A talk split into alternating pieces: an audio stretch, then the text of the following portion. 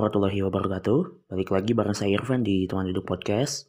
Buat teman-teman yang baru dengerin Teman Duduk Podcast, selamat datang di podcast ini dan buat teman-teman yang sering dengerin, makasih udah menyempatkan waktu menghabiskan sebagian dari kuota internetnya untuk dengerin konten di podcast ini. Mudah-mudahan bermanfaat dan jadi amal kebaikan buat saya yang bikinnya dan memberikan sesuatu hal yang berharga juga buat teman-teman yang dengerin.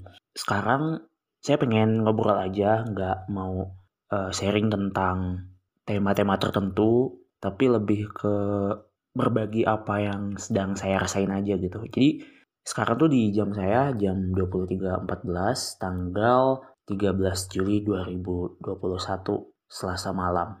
Saya tuh lihat-lihat medsos gitu, terutama Twitter. Di Twitter tuh saya nemu banyak banget tweet disertai video juga dan yang lainnya gitu. Yang intinya ngomongin tentang chaosnya hari-hari sekarang terkait pandemi COVID-19 di mana saya tadi baca sekilas gitu ngelihat storynya Mas Adimas Immanuel penyair muda yang memposting tentang kematian terbaru akibat pandemi di dunia itu diduduki yang pertama oleh negara kita Indonesia, uh, di mana itu bukan sama sekali prestasi, bukan sama sekali pencapaian yang patut ditepuk tangani, justru ya itu mungkin bisa dibilang indikator dari buruknya penanganan pandemi COVID-19. Uh, meskipun saya juga gak menyalahkan sepenuhnya pemerintah karena ada banyak hal yang mungkin saya sebagai orang biasa nggak tahu gimana berjibakunya pemerintah untuk mengatasi pandemi COVID-19 ini. Meskipun kalau mungkin kalau mungkin dari sebagian yang menangani COVID, terutama mungkin kita tahu di banyak media tuh beberapa waktu lalu salah satu menteri dan ini tuh menterinya yang mengurusi bidang sosial, Mensos itu malah mengkorupsi dana bansos. Kita patut geram, kita patut mungkin karena saking emosinya kita juga mengutuk perbuatan laknat tersebut gitu. Dan uh, ada banyak hal lain lah gitu. Kalau misalnya pemerintah itu memang lalai, kita sangat boleh untuk mengingatkan mereka yang uh, lalai itu atau zolim dan lain sebagainya.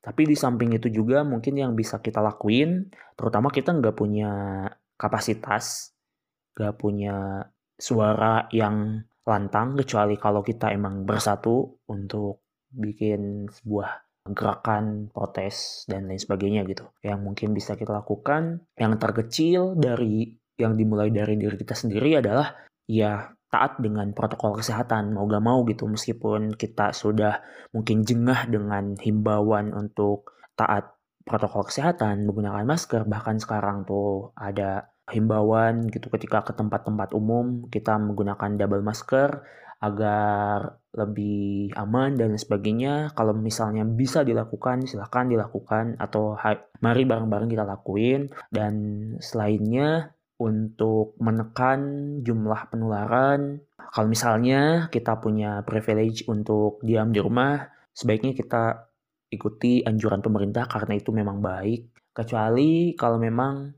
ada hal-hal urusan yang sangat penting di mana mau gak mau sebenarnya kita pengen di rumah aja tapi itu tuh gak memungkinkan gitu kita harus keluar nah usahakan kita tetap memakai masker jaga jarak dan uh, hindari kerumunan-kerumunan yang gak penting. Ada puisi yang menarik dari uh, Jokpin, baru diposting hari ini sih kayaknya. Puisinya sangat pendek banget. Juli 2021. Hari-hariku terbuat dari innalillahi. Joko Pinurbo.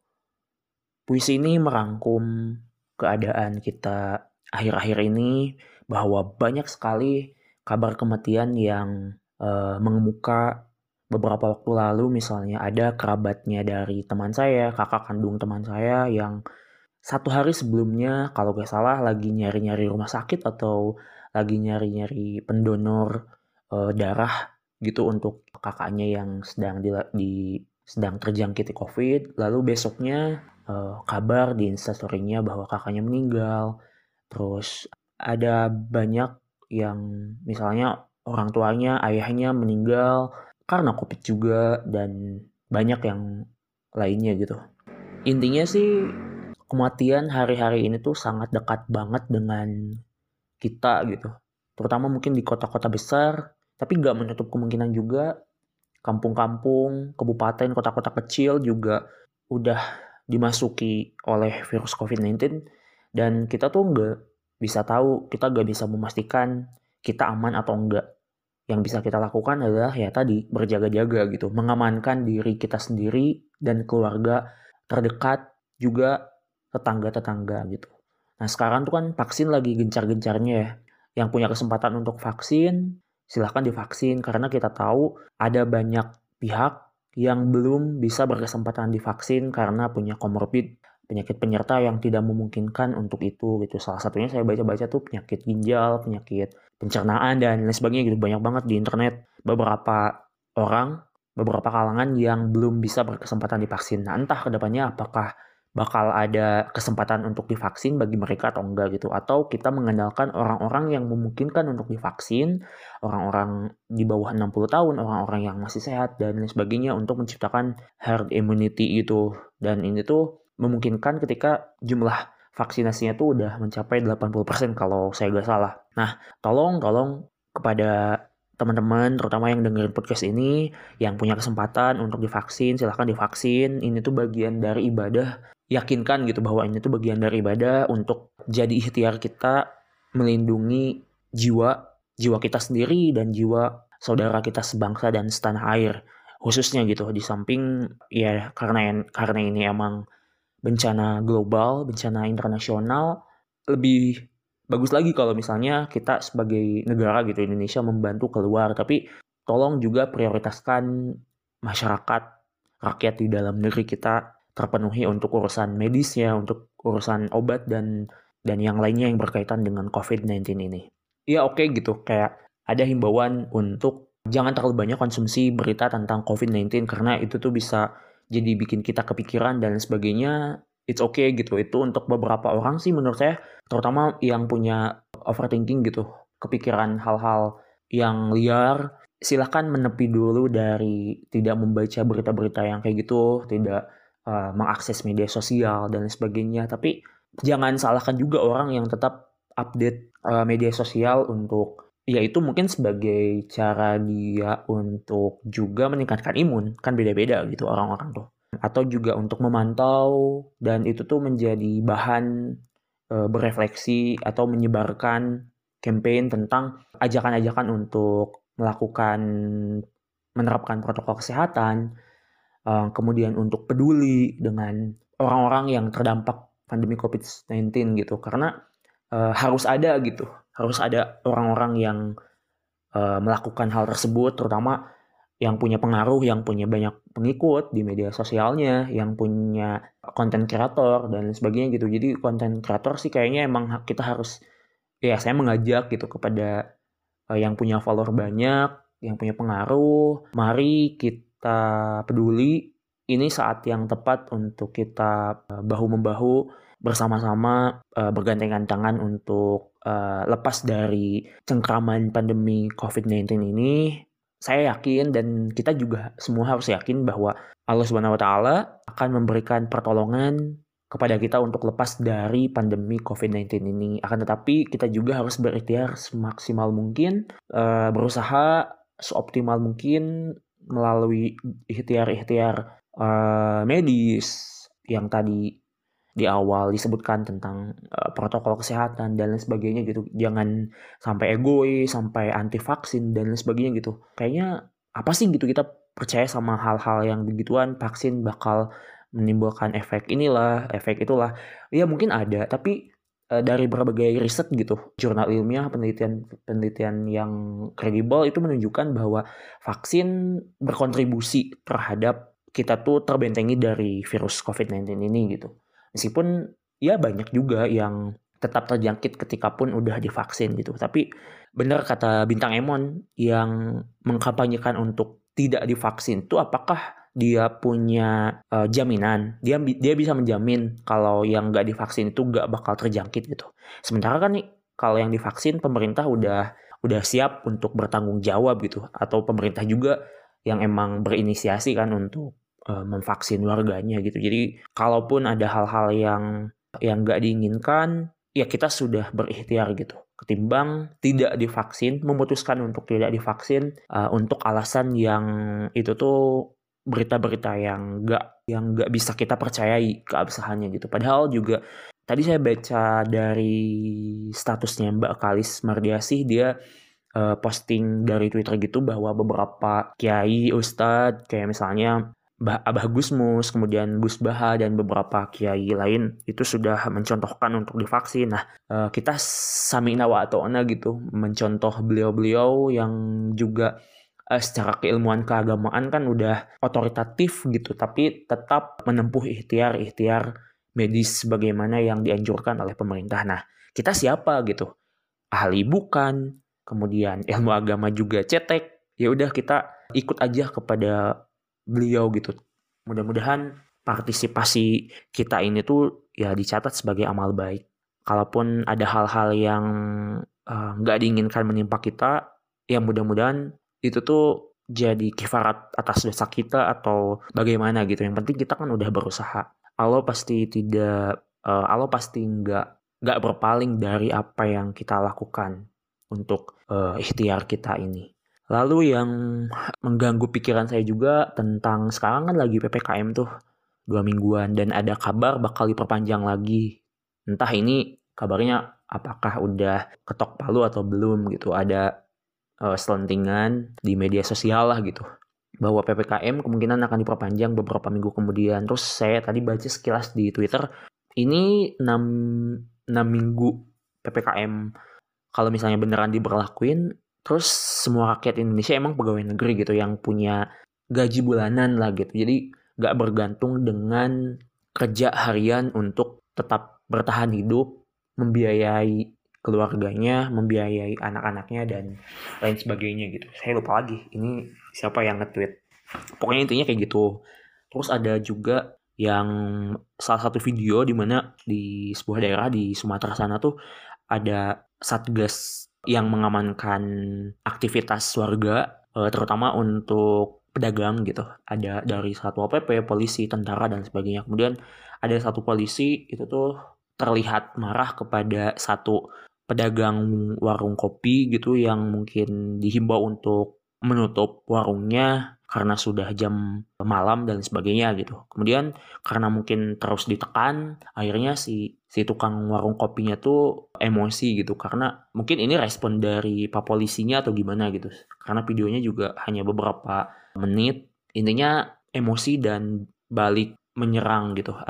Dan ini tuh mungkin bentuk dari uh, mempertahankan diri karena dibentak-bentak itu gitu.